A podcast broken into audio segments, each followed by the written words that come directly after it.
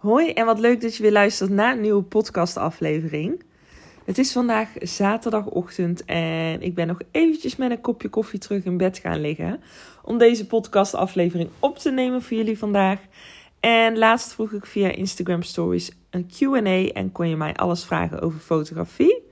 En daar kwamen ook een aantal hele leuke vragen op binnen. En een aantal daarvan ga ik er vandaag met jullie bespreken in deze podcastaflevering. En een aantal zal ik ook in een volgende doen, een andere keer. Maar het is dus lekker zaterdag vandaag en ik mag vanmiddag een hele leuke mentorsessie geven. Een één op één en die vindt plaats in Breda bij een koffietentje. Daar hebben we afgesproken en dan gaan we eerst even in op de theorie. En dan gaan we even het een en ander bespreken voor de shoot ook die we gaan doen. En we hebben daarna dus een zwangerschapsshoot gepland staan in uh, Breda. En daar heb ik heel veel zin in. Ik vind het echt uh, heel erg leuk om één op één sessies te geven, ook aan andere fotografen. Dus uh, ja, dat heb ik vanmiddag op de planning staan van 3 tot 7. En de rest van de dag wil ik nog een klein beetje editen. En de ochtend wilde ik even rustig aan doen. Lekker opstarten, nog even terug in bed met een kopje koffie. En ik heb niet zo'n fantastische nacht achter de rug. Dus dan vind ik het wel lekker om nog even gewoon te relaxen. En het wordt vandaag trouwens ook super mooi weer. Morgen ook nog. En het is inmiddels natuurlijk al bijna half oktober. Dus um, blijf het een beetje bizar vinden nog steeds. Maar wel echt super lekker natuurlijk. Ik ga gewoon starten met de eerste vraag. En dat was: hoe kun je klanten aantrekken zonder dat je irritant wordt? En die vraag heb ik vaker gehad. Want mensen vinden het gewoon lastig om hun aanbod te delen. Ze vinden het al snel spammerig worden. Maar dat is het natuurlijk niet. Door bijvoorbeeld elke dag je aanbod te laten zien in je stories, dat is helemaal niet spammerig. Je bent natuurlijk een bedrijf en geen liefdadigheidsinstelling. Dus je mag je aanbod ook echt wel laten zien. En als mensen dat nou echt irritant vinden, dan zijn zij gewoon niet jouw ideale klant. En dan is het misschien ook maar beter dat ze je gaan ontvolgen. En de manieren om bijvoorbeeld je aanbod dan wel te laten zien, dat kan bijvoorbeeld door middel van een reel te delen of uh, via stories of een post. Wat ik zelf bijvoorbeeld altijd doe, is sowieso altijd een linkje naar mijn website, naar mijn aanbodpagina. En de ene keer is dat dan een zwangerschapsshoot, de andere dag is dat weer een newborn shoot of mijn combinatiepakket. En de andere keer is het bijvoorbeeld weer een gezinsshoot. En als je het gewoon echt vanuit je hart deelt, dus bijvoorbeeld op een manier die echt bij jou past, en dat kan bijvoorbeeld zijn van, joh, de herfst komt er nu aan, de natuur is dan zo mooi. Hoe leuk is het om dan gezinsfoto's te maken in een herfstachtige sfeer, met fijne outfitjes, met verschillende laagjes, gemaakt van verschillende materialen, met kleuren die mooi matchen bij elkaar. Ja, dat is al een veel leukere manier om jouw diensten te verkopen dan op een manier van, joh, ik uh, heb nog uh, één plekje vrij in november voor een shoot. Boek deze nu hieronder via de link. Dus als je het een beetje op een storytellende manier doet, dan wordt het ook veel leuker. Wat ik zelf bijvoorbeeld altijd doe, is uh, vaak ook een reel delen van mijn aanbod. Dit heb ik ook bijvoorbeeld gedaan met mijn portfolio shoots. Dus ik heb een reel gedeeld van de vorige portfolio shoot. Met daarin wat foto's die gemaakt zijn. En dan vraag ik de mensen om uh, om info achter de rail aan te laten of zo. Om een comment met info achter de rail achter te laten. En dan kregen ze dus meer informatie in hun DM binnen, zodat ze gelijk naar de link op mijn website werden gestuurd. Dus dat is al een veel leukere manier om je aanbod op die manier ook te delen. En dan gaan mensen jou ook niet irritant vinden, want ze volgen je niet voor niets. Ze volgen jou omdat ze je werk mooi vinden, of omdat ze erover na zitten te denken om misschien wel een keer een shoot bij je te boeken. En soms volgen mensen je jarenlang voordat ze überhaupt pas iets bij je boeken. Dus ben niet bang om je aanbod te delen. En dat mag zeker elke dag. En je moet niet denken voor een ander dat je dan al snel te spammerig bent of te irritant wordt. Deel dat daarbij ook gewoon echt dingen uh, over jezelf of wat je die dag doet. En niet alleen maar je aanbod. Dus wissel de content wel echt af. En dan maakt het ook leuk, dan blijft het ook leuk.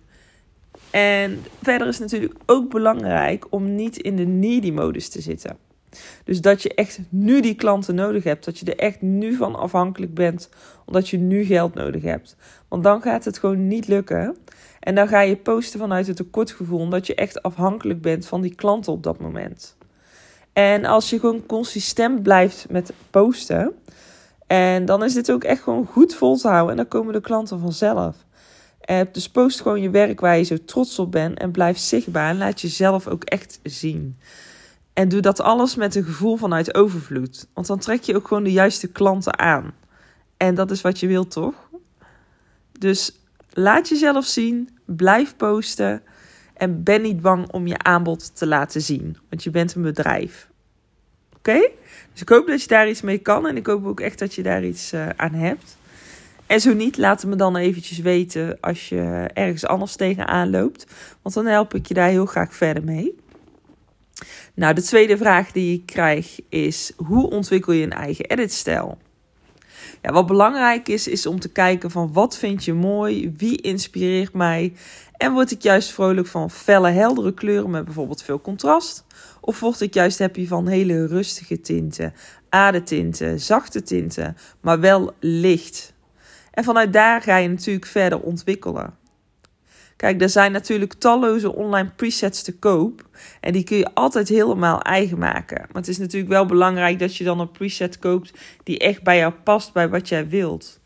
Dus dan is het belangrijk om goed rond te kijken van oké, welke is dan goed? Welke past bij mij? Of ga ik gewoon lekker zelf aan de slag met maken van een preset? Wat je kunt doen is bijvoorbeeld op Pinterest een moodboard maken van foto's die jij super mooi vindt. Uh, die je qua editstijl ook erg tof vindt. En als je daar dan een bocht mee maakt, dan is dat jouw inspiratie. En dan is dat de editstijl die jij een beetje wil nabootsen. En die jij gewoon heel mooi vindt voor jouzelf. En dan kun je eens kijken van oké, welke preset past daar dan bij? Welke stijl is dat? Is dat meer de moody stijl? Is dat meer de lichte airy frisse, stijl? Of uh, zit het er een beetje tussenin? Want dat kan natuurlijk ook. En vanuit daar ga je gewoon je preset helemaal ontwikkelen zoals jij hem zelf wilt. Je kunt natuurlijk alle schuifjes aanpassen. Dus ga daar eens mee spelen in Lightroom bijvoorbeeld, als je Lightroom gebruikt. Zelf verkoop ik eind van deze maand ook mijn eigen preset. En daar heb ik super veel zin in. Daar heb ik ook echt ontzettend veel vragen over gehad. En nog steeds, die ik altijd in mijn DM krijg via Instagram. En ja, ik heb mijn preset jarenlang doorontwikkeld tot dat wat het nu is. En ik ben er op dit moment echt het meest blije ooit mee, denk ik wel. Ik ben echt wel heel tevreden over hoe mijn preset er nu uitziet. En dat is ook iets wat echt compleet bij mij past ook. Dus die is in ieder geval vanaf eind oktober te koop. Ik weet natuurlijk niet wanneer je deze podcast luistert. Maar uh, mocht je daar interesse in hebben, dan mag je me eventjes een DM sturen via Instagram met je e-mailadres. En dan blijf je ook als eerste op de hoogte van wanneer die precies de verkoop ingaat. Nou, de volgende vraag was: hoe kun je het beste de starttijden van je shoot bepalen? Wat daarbij belangrijk is, is om je locatie goed te kennen. Dus waar ga je precies shooten? Ga je shooten op een locatie waar veel bomen zijn? Of is er een open vlakte? Of is het recht aan het strand misschien? Want bij een locatie met veel bomen is de zon veel sneller weg en zul je eerder afspreken dan bijvoorbeeld aan het strand, waar je tot het allerlaatste moment de zon hebt. Wat ik meestal zelf altijd doe, is anderhalf uur voor zonsondergang afspreken en soms zelfs twee uur van tevoren. Omdat je bijvoorbeeld wat langer aan het lopen bent ook naar de locatie. Ik check altijd van tevoren zonsondergang.info. En dat is gewoon een hele handige site waar je alle tijden van zonsopgang en ondergang ziet. En als daar bijvoorbeeld staat dat de zon om kwart over zes ondergaat, dan spreek ik dus al om uh, kwart voor vijf af met de klant. Want dan loop je nog naar de locatie, dan ga je vaak omkleden in verband met de jurk die bijvoorbeeld geleend wordt voor de client closet. En dan ga je natuurlijk nog shooten. En met shooten ben ik zelf altijd toch wel dik een uur bezig. En soms een uur en een kwartier. Maar meestal ben ik wel binnen het uurtje wel klaar. Nou, dan loop je natuurlijk weer terug naar de locatie of terug naar de auto. En ja, dan ben je echt wel ruim twee uur, anderhalf uur verder. Dus zorg dat je in ieder geval op tijd afspreekt dat je niet te laat op de locatie bent. En mocht je in de mogelijkheid zijn, check dan de locatie altijd van tevoren. En nu denk ik dat de meeste klanten wel altijd naar een locatie komen die jij zelf aanraadt. Dus dan ken jij die locatie als het goed is ook heel goed. Zo spreek ik altijd met mijn klanten af bij verschillende locaties in Breda die ik heel goed ken. Of in de omgeving van Roosendaal, waar ik nu woon. Dus um, dan weet ik ook precies van oké, nou zo laat gaat de zon onder. Ik weet de plekjes daar, dus dan moet ik zo laat daar en daar en daar zijn. Dus dat weet ik inmiddels helemaal uit mijn hoofd. Dus um, dat maakt het ook wel makkelijker om precies te weten hoe laat je af wilt spreken met de klant. Nou, ik hoop dat je ook uh, daar een beetje mee verder kunt. En um, ja, belangrijk is om dus echt goed van tevoren te weten van... heeft de locatie bomen? Hoe laat gaat die onder de zon? En nu gaan we natuurlijk naar de herfstperiode en wordt het steeds vroeger en vroeger en vroeger. Zo staat mijn portfolio shoot dag bijvoorbeeld in uh, november gepland. Van 2 tot 5 uur s middags. Dus dan gaat de zon natuurlijk al helemaal vroeg onder. En uh, ja, vind ik zelf altijd heel fijn in het najaar. Omdat je dan ook gewoon uh, de avonden vrij hebt. Voor jezelf natuurlijk. Normaal ben je in het hoogseizoen natuurlijk echt wel veel de avonden weg van huis. En dan werk je vooral s'avonds. Dus daarom vind ik het najaar en het voorjaar altijd echt wel heel erg fijn. Nou, de volgende vraag die ik kreeg is: hoe bepaal ik mijn prijzen? En dat is inderdaad een hele lastige. En vooral in het begin kun je hier echt wel mee struggelen. Want uh, je bent jezelf toch al snel aan het vergelijken met anderen. En wilt niet misschien in het begin te snel te veel vragen voor een shoot. Maar je bent er natuurlijk ook ontzettend veel tijd aan kwijt. Want daar verkijken veel fotografen zich ook op bij het bepalen van de prijzen. Dus ga echt na hoe lang heb je nodig voor een shoot. Je hebt natuurlijk vooraf het e-mailcontact met de klant of het appcontact. Maar je moet ook nog naar de locatie heen en terugrijden. En dat kost mij bijvoorbeeld al vaak echt wel een uurtje. En dan ben je natuurlijk ook nog eens 1 tot 1,5 uur aan het shooten. Dan ga je thuis aan de slag met het overzetten van de foto's, de selectie maken en natuurlijk nog het editen van de foto's. Dus er gaat zeker wel wat tijd in de shoot in zitten. Van het eerste contact tot aan het moment van het opleveren van de foto's. Dus uh, bepaal voor jezelf wat wil je overhouden aan één shoot. Wat is je uurtarief? Je moet natuurlijk ook rekening houden met de kosten van de afschrijving van de apparatuur of de kosten van de programma's die je maandelijks betaalt, zoals Lightroom en Photoshop. Of misschien heb je wel een online boekhoudprogramma. Uh, je websitekosten, je hostingkosten je internetabonnement. Dus maak voor jezelf echt een rekensommetje. Ga hier gewoon even voor zitten. Van wat wil ik nou echt per maand verdienen? En hoeveel uur werk ik in de week? Dus als je bijvoorbeeld 2000 euro per maand wilt verdienen. En dat deel je dan door het aantal uren dat je wilt werken. En dan kom je dus bij je uurtarief in de buurt. Dus dat is een handige manier om dat even te berekenen. En als je het echt helemaal precies wil berekenen, dan is het handig om even te kijken van oké, wat wil ik in een jaar omzetten? Hoeveel weken wil ik werken en hoeveel weken wil ik vrij nemen? En tel er ook zeker voor jezelf het vakantiegeld nog bij op. En maak daar dan een rekensommetje van. De volgende vraag die ik kreeg is: hoe vind je locaties voor je shoot? Ja, dat is ook een hele goeie. En uh, wat ik zelf daarbij altijd doe, zeker ook als ik op zoek wil gaan naar nieuwe locaties, is um, Google Maps. Dat is dus je beste vriend, namelijk bij het zoeken van locaties. En wat ik altijd doe, is um, ik tik een plaats in bijvoorbeeld. Dat kan zijn in de buurt van waar de klant woont. Of natuurlijk gewoon waar ik zelf woon. En dan ga ik echt alle gebieden af die groen zijn. En dan ga ik kijken wat het is. En dan rijd ik er natuurlijk langs om de locatie te bekijken. En acht van de tien keer word ik dan echt positief verrast door wat ik zie. En dan zie ik altijd wel iets moois. Want ik was laatst bijvoorbeeld ook bij mij in de buurt van mijn huis. Nou, echt op nog geen kwartier rijden. En we gingen daar met de hond wandelen. Want ik zei van, joh, ik wil daar eventjes gaan kijken of het een potentiële shootlocatie is.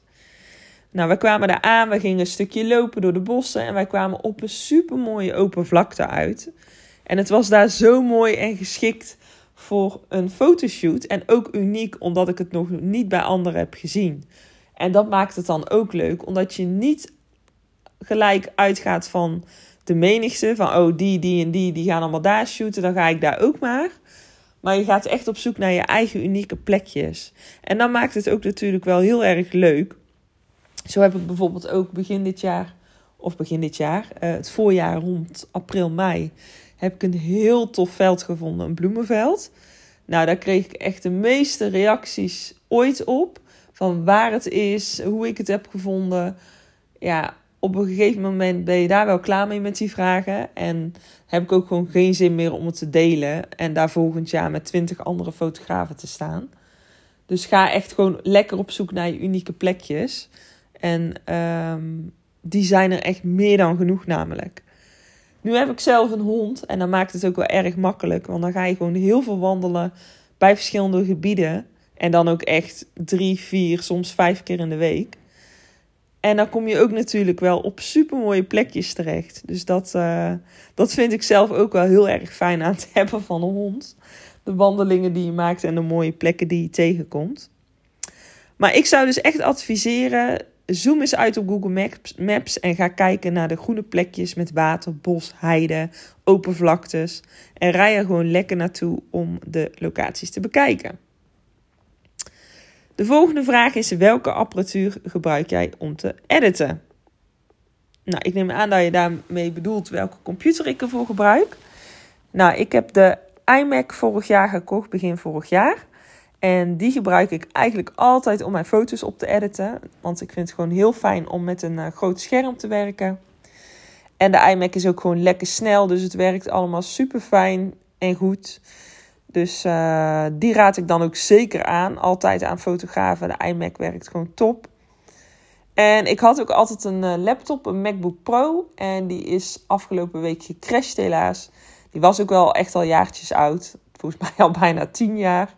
Dus het zat er een keer aan te komen. Maar het is altijd maar afwachten van wanneer het precies gebeurt natuurlijk.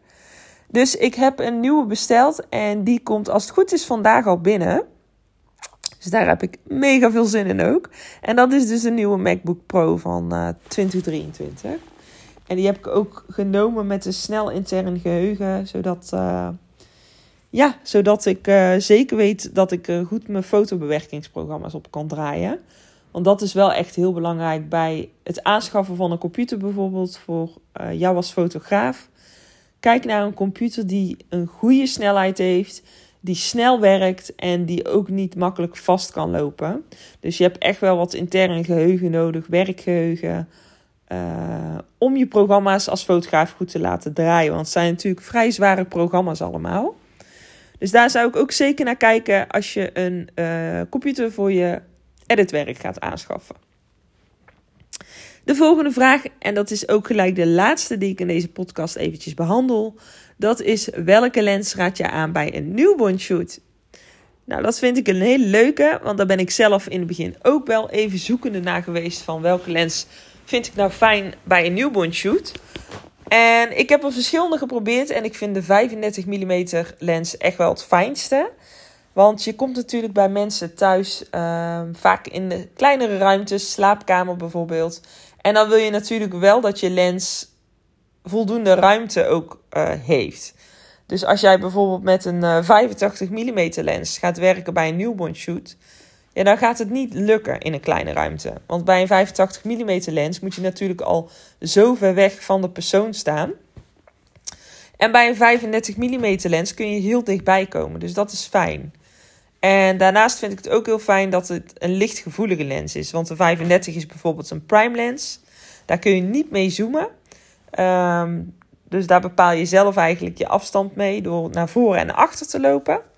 En die is dus super lichtgevoelig, want het kan ook tot diafragma 1.8. Dus de lens laat ook veel licht toe bij donkere situaties. Dus uh, ja, dat is zeker een, hele fijne aanrader. Um, ja, dus die zou ik dan ook echt aanraden. De 35 mm 1.8. Je hebt natuurlijk ook van Sigma volgens mij de 35 mm 1.4. En dat is ook echt een hele fijne lens. Die heb ik altijd gehad bij mijn vorige camera. Voordat ik overstapte naar de, uh, naar de systeemcamera van Canon. Nu heb ik inmiddels allemaal RF-lenzen. En toen had ik ook nog de EF-lenzen. Of een paar lenzen van Sigma.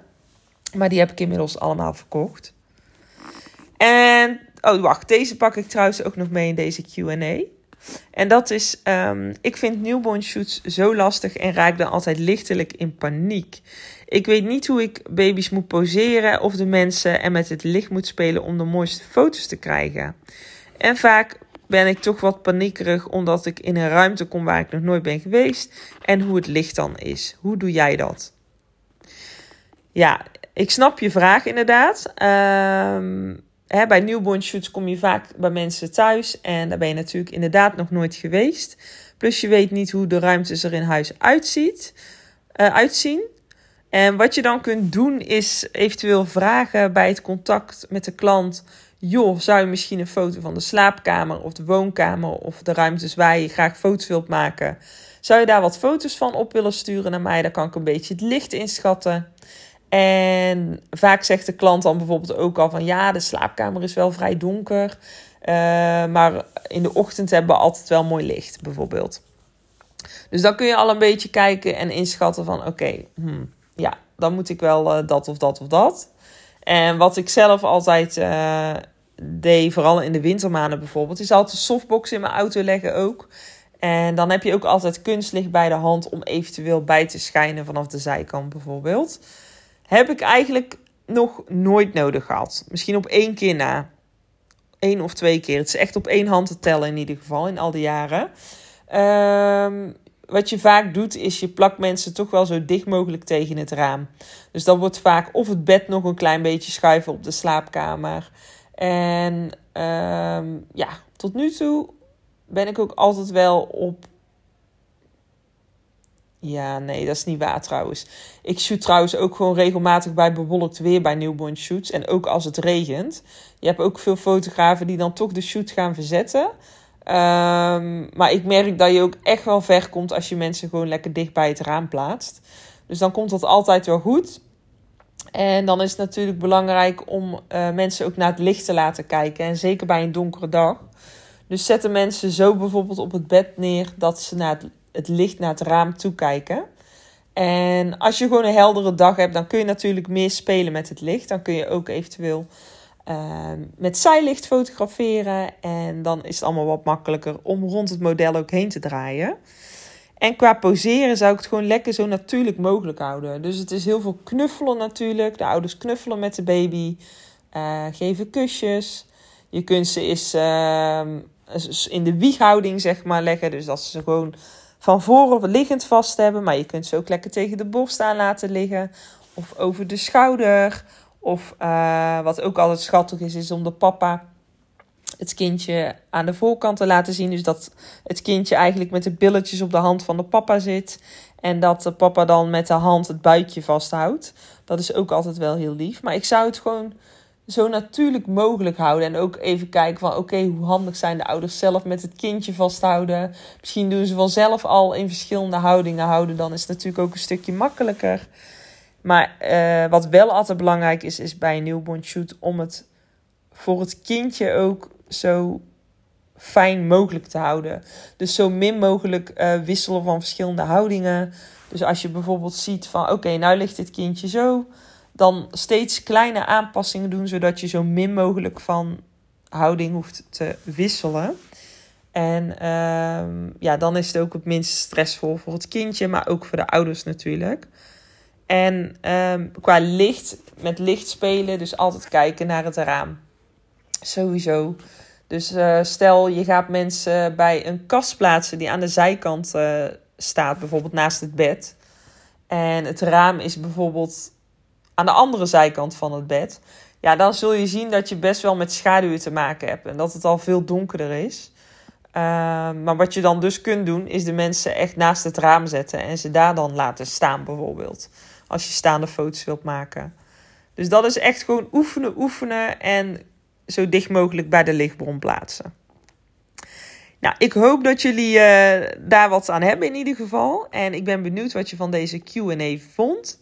Ik ga de volgende QA met de rest van de vragen ga ik volgende week opnemen. Uh, dus mocht je nog vragen hebben, dan mag je ze altijd eventjes naar me sturen via editbymarloes op Instagram of naar mijn mail info apenstaartje. En dan heb ik nog een vraagje aan jullie. Want ik heb hem gisteren ook al via mijn stories op Instagram uh, heb ik het gevraagd. Maar mocht je me daar nou niet op volgen of mocht je het niet gezien hebben, dan kan het ook dus via deze weg. Maar ben je benieuwd hoe mijn preset er dus uitziet als voor- en na foto? Op een foto van jouzelf, dan mag je me dus een raw foto toesturen naar info@editbymarloes.nl. Dan ga ik in ieder geval jouw foto bewerken en die krijg je dan ook weer teruggestuurd. Zodat je in ieder geval het resultaat kunt bekijken hoe jouw foto eruit ziet met mijn preset. En dat was hem voor vandaag, jongens. Ik wens jullie een heel fijn weekend en ik wil jullie bedanken voor het luisteren. En tot de volgende keer weer. Doei doei!